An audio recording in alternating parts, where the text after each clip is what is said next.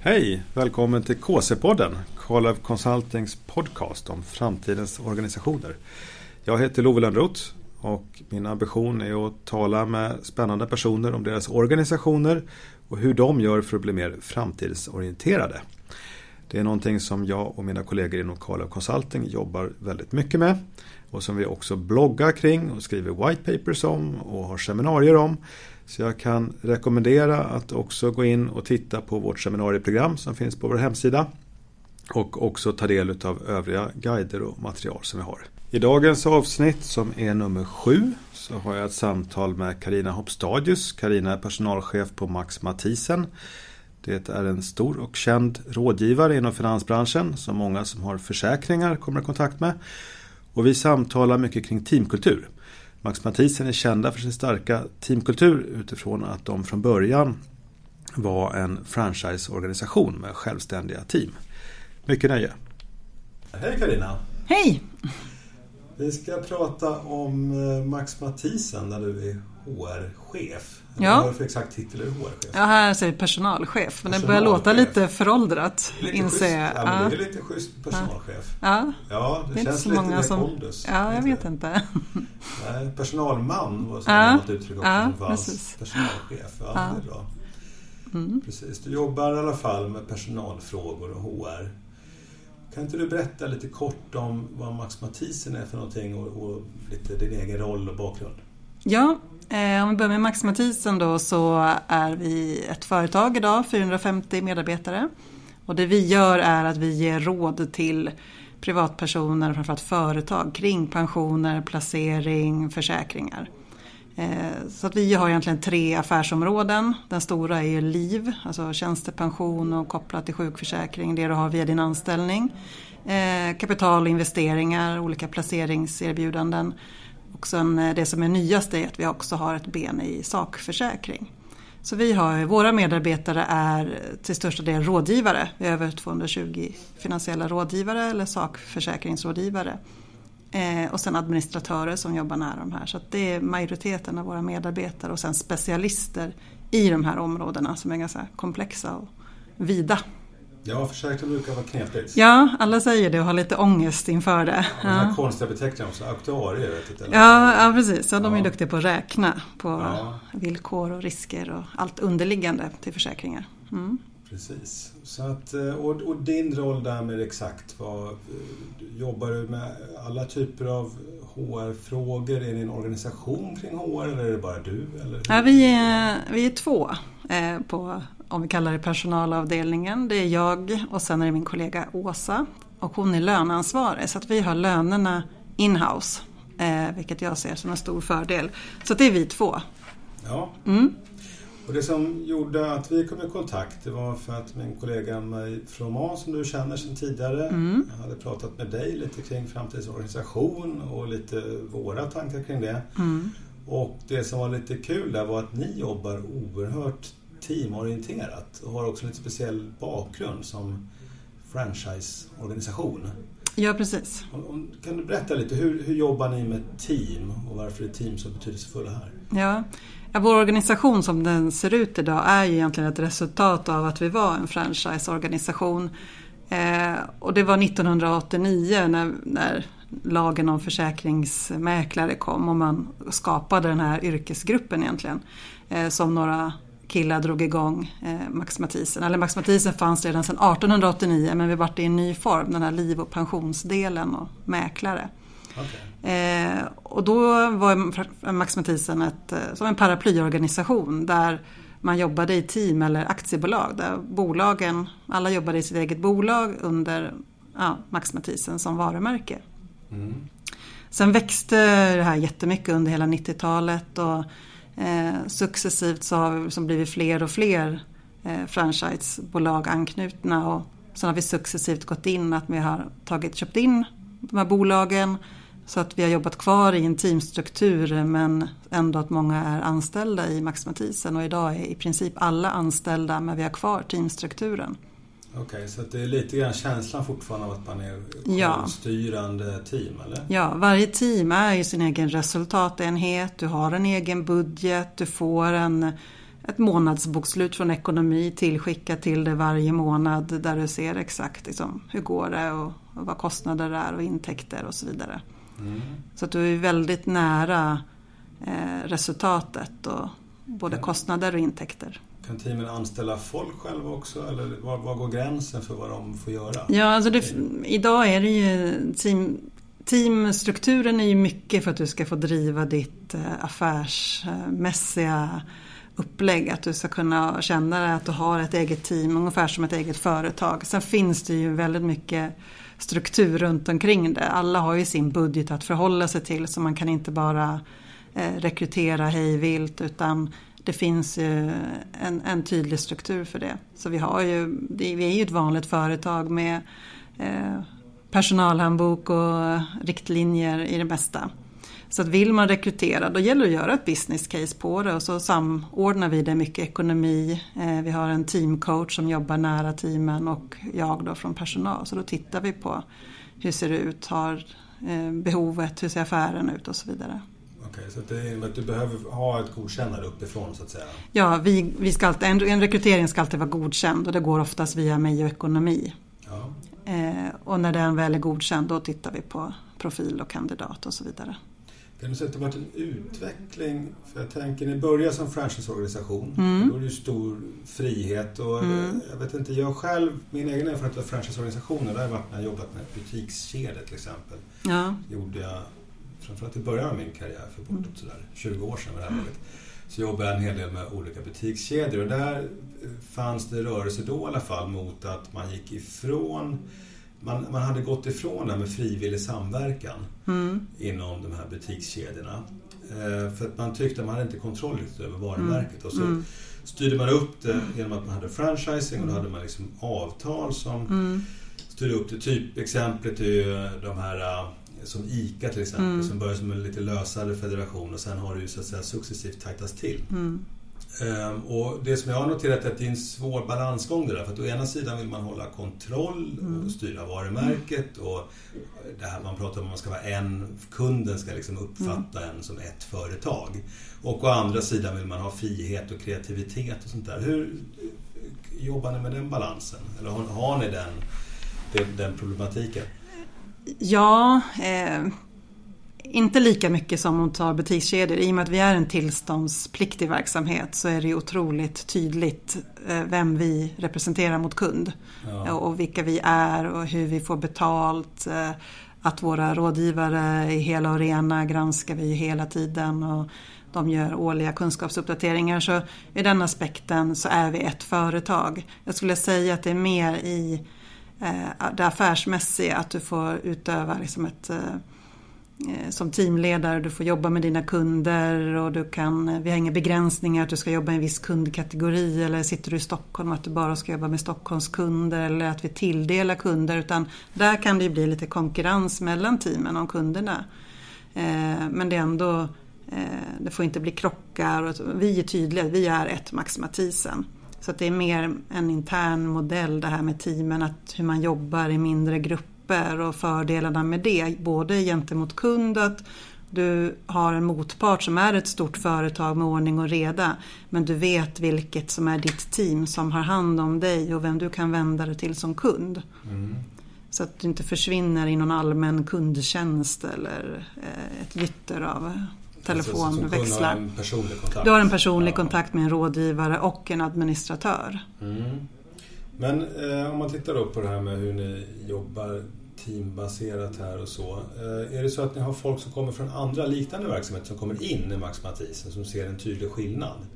Eller är det någonting som, som eh, präglar branschen? Jag tänker försäkringsbolag mm. tänker på ja, stora, liksom, monolitiska företag. Ja. Byråkratiska mm. företag ja. skulle jag kunna säga. Ja. Hur, hur, alltså om man jämför er med andra inom, inom branschen? Ja, eh, vi har ju en del konkurrenter som är, eh, jobbar på liknande sätt. Och det är ju ändå bra att ha konkurrenter, det triggar ju oss. Det är ändå många tävlingsmänniskor som är här. Men gentemot försäkringsbolagen så är det skillnad. Där eh, de som kommer från försäkringsbolag till oss upplever ju att vi är mer flexibla, att eh, du kan komma med idéer och är det liksom bra saker så kan vi snabbt och agilt liksom fixa ordning det om det är ett systemstöd eller eh, kund, du kan ha specialister här som kan hjälpa dig gentemot kund eh, om du behöver ha ut en specifik kompetens. Eh, det är lite kortare beslutsvägar. Eh, så att det, det är lite snabb, mer snabbfotat, absolut. Mm. Så det skiljer sig i branschen så att säga, så skiljer det ja, ut er? Ja. Mm. Sen är det ju att vi är en väldigt platt organisation. Så jag brukar ofta säga det när jag rekryterar, om, om man vill komma in i branschen, vad det är man söker, så är jag ofta väldigt tydlig med att eh, här kan det absolut utvecklas, men man kanske inte kan förvänta sig att man har massa olika titlar på sitt visitkort. Då kanske man ska gå till en stor bank eller någonting annat. Om det är viktigt för dig att göra någon form av karriär i form av nya titlar så, så är inte det här du ska vara. Utan här kommer absolut utvecklas kompetensmässigt och du kommer utmanas och eh, känna så. Men du kommer inte ha nya titlar utan vi är finansiella rådgivare och många jobbar i många år som det och blivit skickliga i sin yrkesroll. Ja, okay. Så ni har inte den här karriärstegen jättetydligt där man liksom klättrar pinnhål och får en ny Nej. på visitkortet? Nej. Kan du säga att ni, att ni attraherar någon speciell typ av medarbetare utifrån det? Ja. Eller att ni stöter bort en viss typ mm. av medarbetare? Mm. Alltså hur, vad, mm. vad, vad, tror du om det? Ja, men fördelen med teammodellen och den här vad säger, kostnadskontrollet och drivet, entreprenörskapet som finns i den kan ju också ha en begränsning. Vi säger att vi vill ha in många nya säger, akademiker. Därför att, att som arbeta som rådgivare det ställer ganska stora krav. Du ska ha erfarenhetskrav, utbildningskrav och de kraven fyller du inte som nyexad. Och då ska då ett team också vilja ta in en nyexad i sitt team och ta kostnaden för den. Det tar två år innan du kan börja arbeta som rådgivare. Så att den typen av eller kategori av medarbetare kan vara en utmaning att få in. De alldeles färska så att säga? Ja precis, att hitta en bana in i företaget. För de äter av teamets resultaträkning? Ja, rent krasst kan ja. man säga så.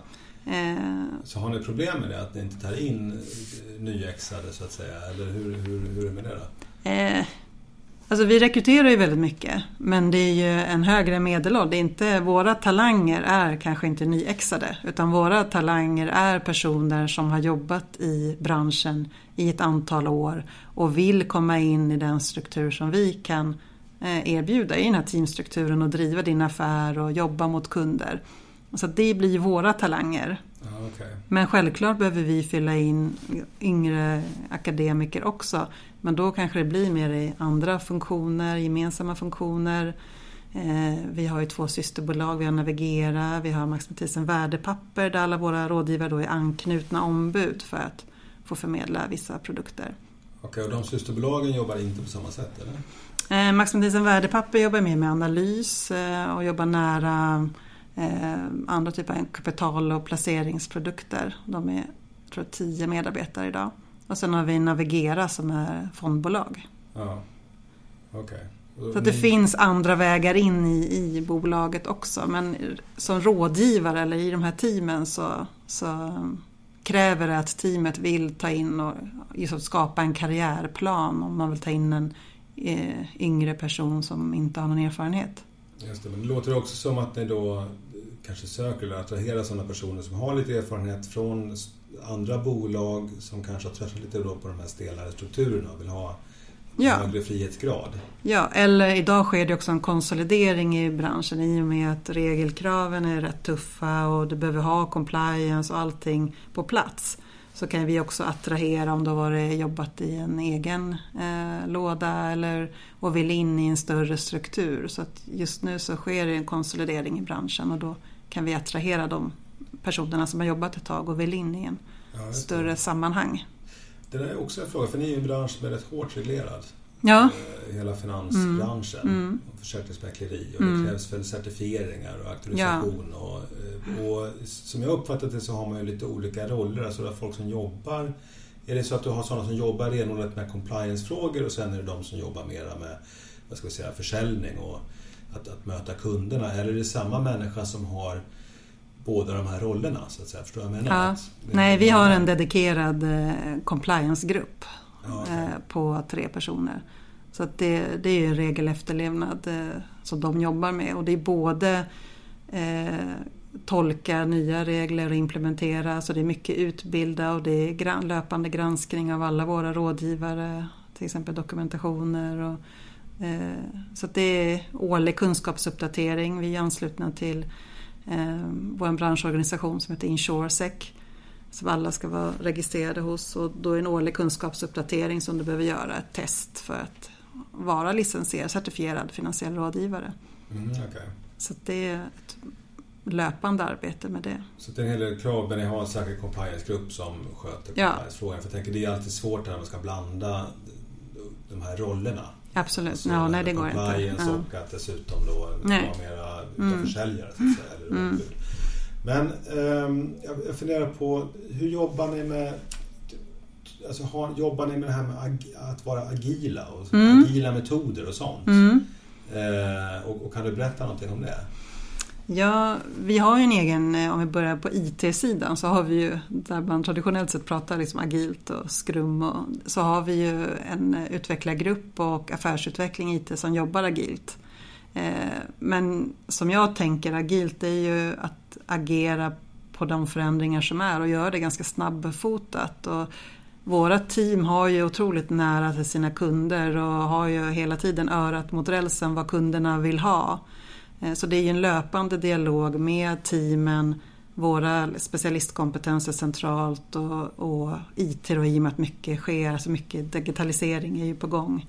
Eh, så att ur den aspekten tycker jag att vi blir mer och mer agila. Vi har väl alltid varit det men nu blir det kopplat med hur vi också kan utveckla system och eh, ha dem som bra verktyg och komplement till den personliga rådgivningen. För det är ändå det vi anser är viktigt. Att vi kan ha mycket digitaliserat stöd eh, och det vill ju våra kunder ha men det personliga mötet där någon berättar för dig pedagogiskt vad du står inför för val och vad din arbetsgivare erbjuder och vad det betyder för dig och med din familj och din bakgrund. Vi tror att det är viktigt. Mm. Och jobbar ni med teamutveckling? Jag tänker, teamen är basen på något sätt. Ja. Och, och, jag tänker, man kan jobba mm. med teamutveckling på olika sätt. Det finns olika modeller för det. Ja. Det finns ju till exempel de här teamrollerna, Belbins teamroller. Mm. Det finns ju sånt som heter DISK som också mm. är ett sånt här system. Mm.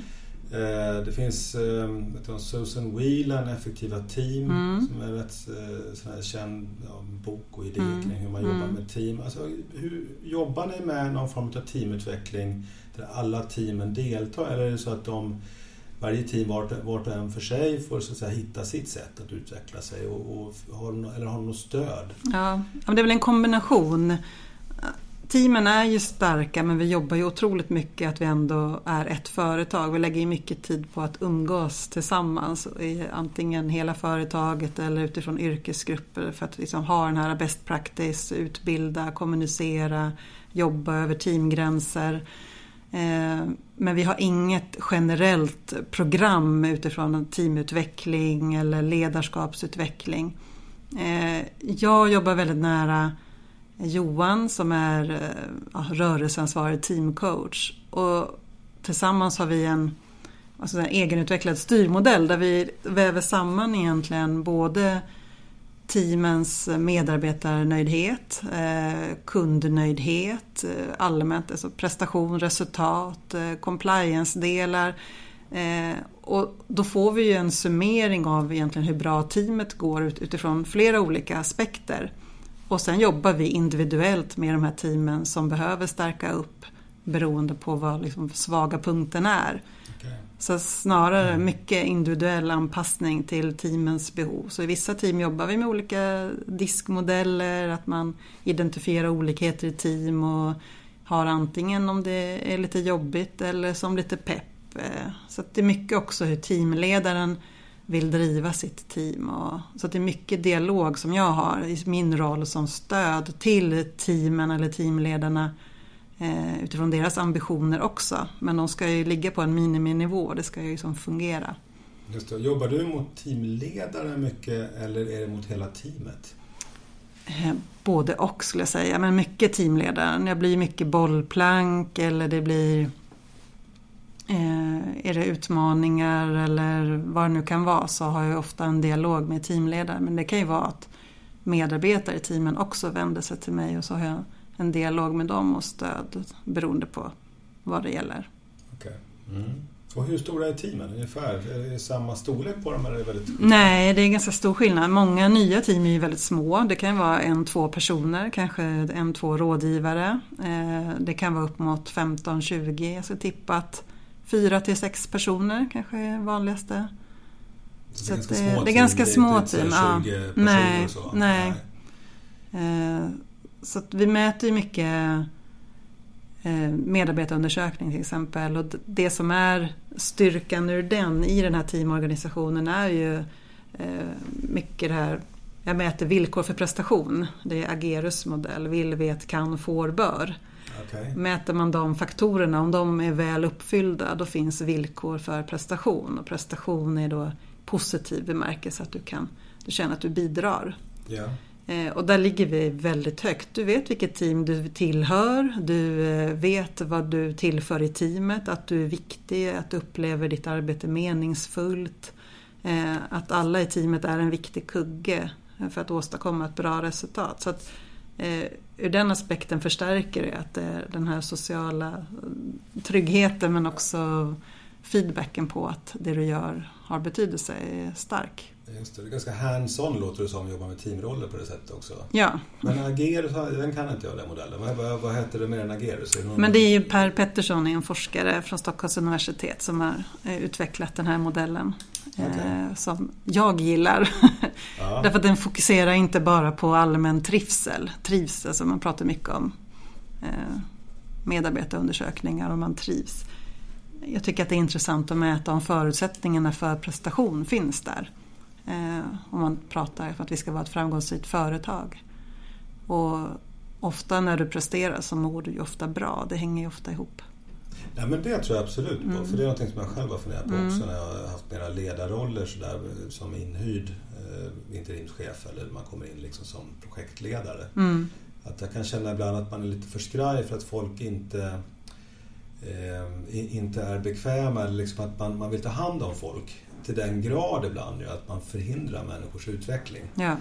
Eh, utan just precis mm. det där att i en prestationsinriktad organisation som jag kan förstå att det här är mm. så, så mår ju folk inte bra om man inte presterar. Det säga när, när siffrorna pekar mycket ner så mm någonstans kan man inte fixa det med annat mm. än att man faktiskt börjar vända skutan, att går bra mm. Precis, och då bygger också mycket på tillit och trygghet. Att du vågar, för att våga, eller för att det ska göra rätt så måste du våga göra fel också. Ja. Och att du har en sån känsla, att du har stöd i vad du gör oavsett om det är teamet eller ett annat team du kan bolla med eller vi har ju en hel rad stödfunktioner i, ja, centralt eller gemensamt som vi kallar det.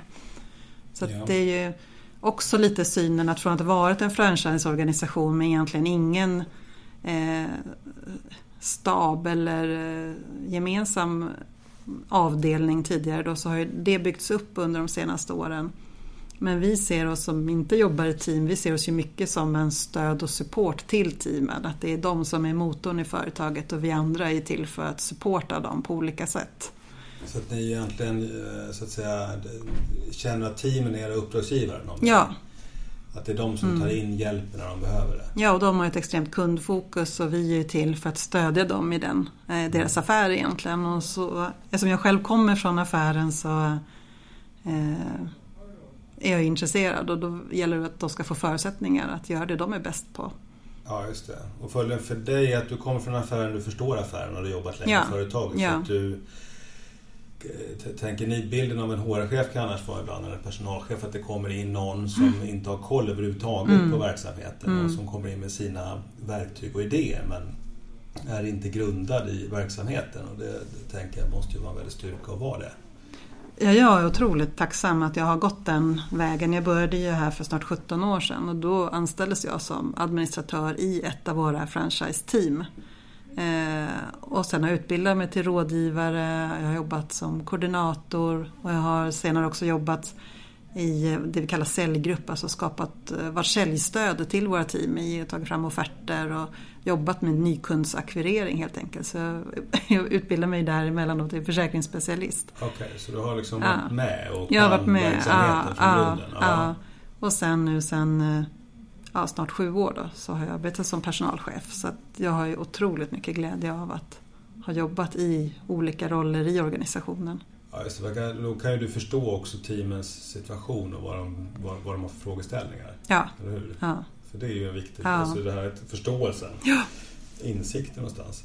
Jobbar ni någonting, du sa att ni har inga direkta program för teamutveckling, men, men jobbar ni med erfarenhetsutbyte på något sätt? Jag tänker teamledare emellan eller i olika teamroller. Alltså har ni några sådana eh, formella eller informella sätt? Ja, eh, vi har eh, formella i form att vi har olika konferenser, till exempel för rådgivare. Då är det mycket erfarenhetsutbyte, utbildning, best practice, alltså påvisa samarbetsmöjligheter mellan team, kundcase.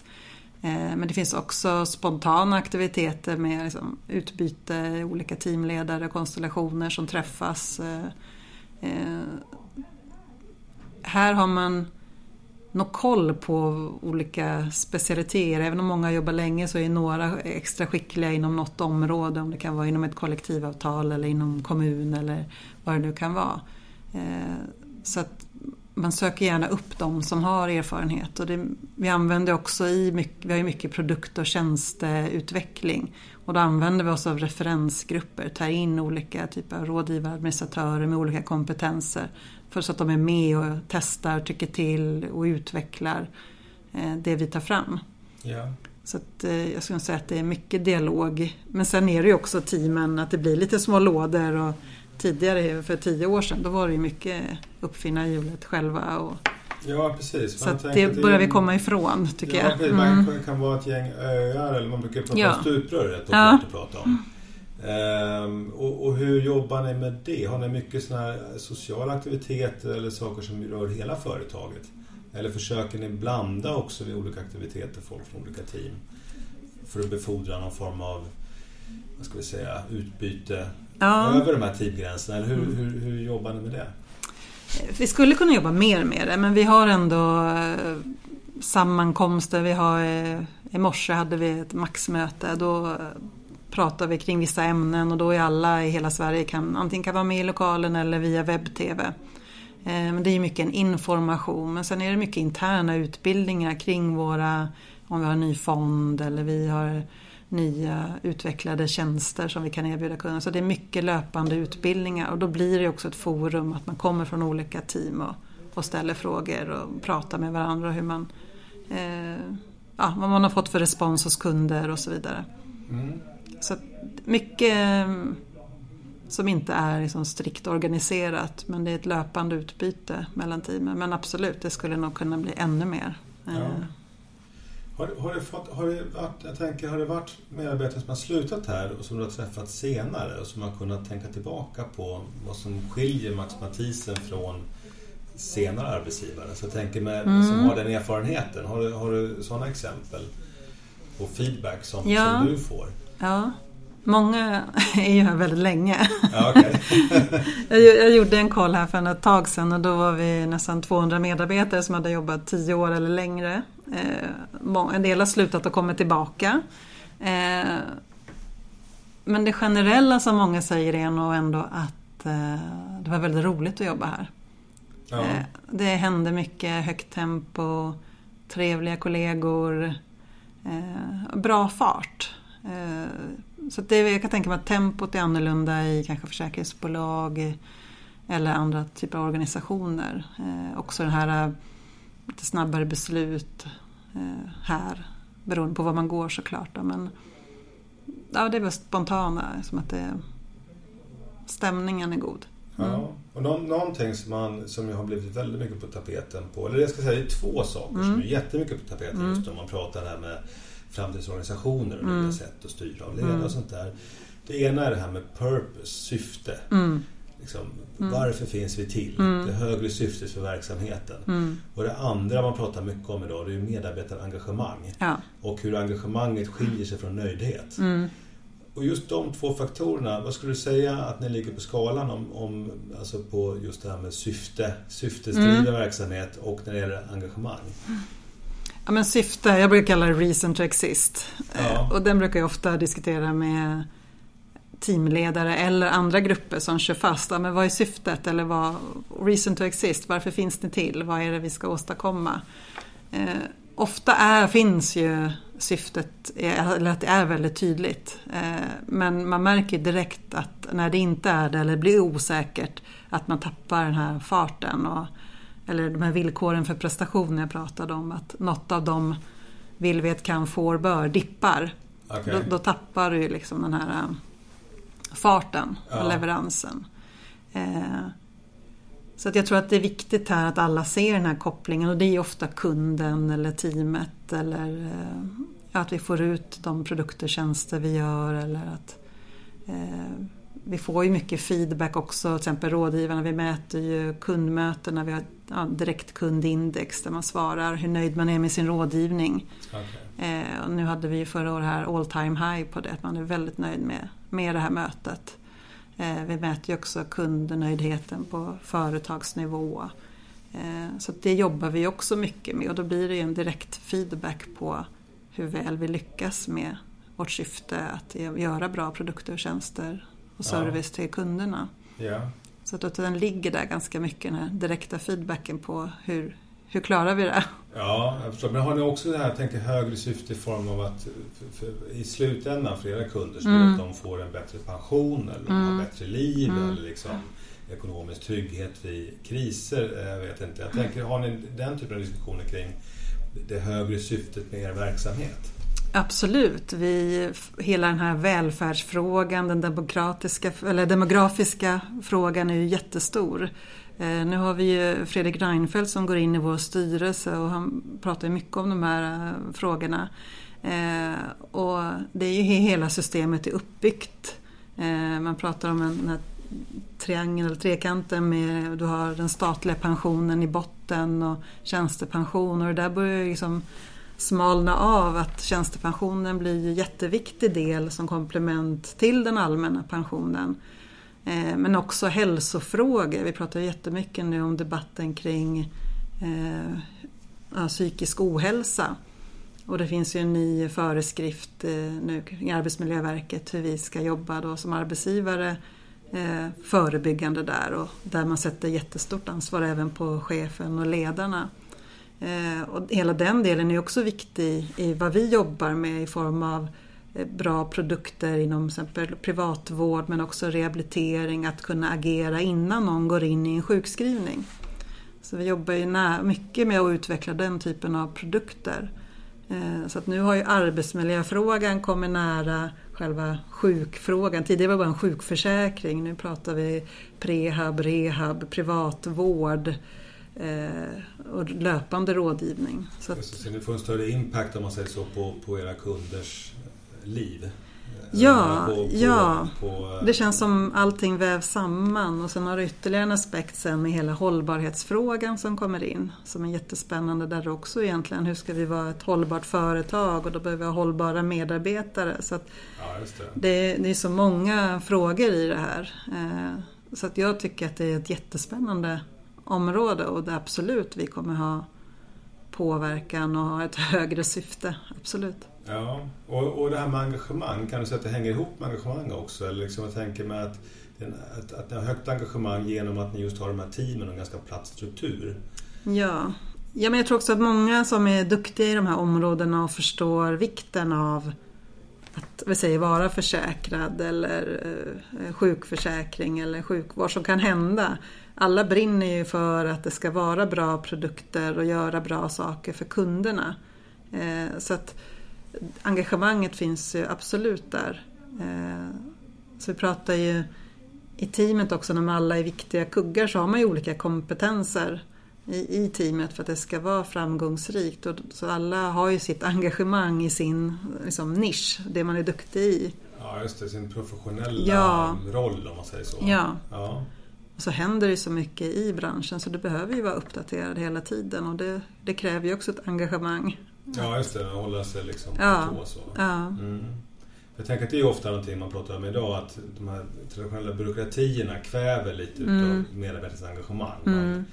man, får inte folk att prestera riktigt för att, det, så att säga, det, det blir, man är för oengagerad i i sitt arbete. Så man kanske är nöjd, men lite tillbakalutat nöjd. Men inte liksom riktigt på tårna. Det är det som, som många pratar om idag. Att verkligen vara på tårna, verkligen känna det här att man vill serva kunden och, och så. Ja, och det är ju en utmaning att se att man är en tillståndspliktig verksamhet. Att det lätt kan bli byråkratiskt, att du måste fylla i säg rådgivningsdokumentationen och ändå så ska du ha det här engagemanget för människan du sitter med och ger rådgivning. Så att det gäller ju att skapa bra system, att du inte Ja, du ska ha en bra rådgivning och du ska se personen du träffar och verkligen ge bra råd och ha en bra förhandsinformation. Men du ska också liksom följa den här formalien och ha bra, hög kvalitet i båda. Det är ju klart en utmaning men det är ju alla vill ju göra rätt också i, i det. Mm, det. Så jag tror att eh, titta den här digitaliseringen som vi pratar om, den är ju superviktig som ett stöd i det här att kunna säkerställa att eh, information och återkoppling och allt som behövs finns där. Men ändå ta tid för det här personliga mötet. Precis, så där sätter man ibland en motsats mellan liksom high tech och high touch. Ja. Att, att liksom digitalisera å ena sidan, satsa på det och å andra sidan satsa på det mänskliga mötet. Och du pratar om egentligen att man behöver göra både och. Ja, För att det mänskliga mötet, det personliga mötet ska funka i en så extremt komplex bransch eller med så komplexa regler Ja. och produkter. Det är det. För det tror jag är en aspekt som, som man kanske ofta missar. Eh, Och jag tänker också att se tekniken som en... Att, att tekniken ska underlätta det, det personliga mötet. Mm. Det kan jag själv tycka att många missar någonstans. Man, man, Ja. man, har, man tänker olika kanaler. Ja. Man har liksom människor Ja. Och så har du maskiner och skärmar. ja, Men att, att få ihop det till, till så att säga ett system som gagnar kunden. ja. men det är ju en utmaning såklart för det är lätt att det tar över åt något håll. Ja. Eh, och, och vad är ett bra system? Är det, eh, du ska ändå ha en mottagare som, som ser värdet i det och kan tolka det. Eh, och det är väl där vi ser att vi kan hjälpa till. Även om du har all information på plats gällande hela din tjänstepensionsbit och alla dina försäkringar så, så ska du ju förstå det också. Ja, jo, det brukar inte vara det lättaste. Nej. Och inte det roligaste heller tycker jag. då, Men, ja, jag tror Men det tycker vi. ja, det brukar vara argumentet för att man behöver hjälp. Eh, vad bra Karina, men jag känner att eh, jag har fått ut mycket. Har du något mer som du skulle vilja framhålla eller liksom som du känner att vi har missat i diskussionen här? Innan vi börjar runda av. Eh, nej, jag tycker vi har pratat lite om det mesta. Men du, jag får tacka dig så hemskt mycket. Tack! Ja, tack så. Hej!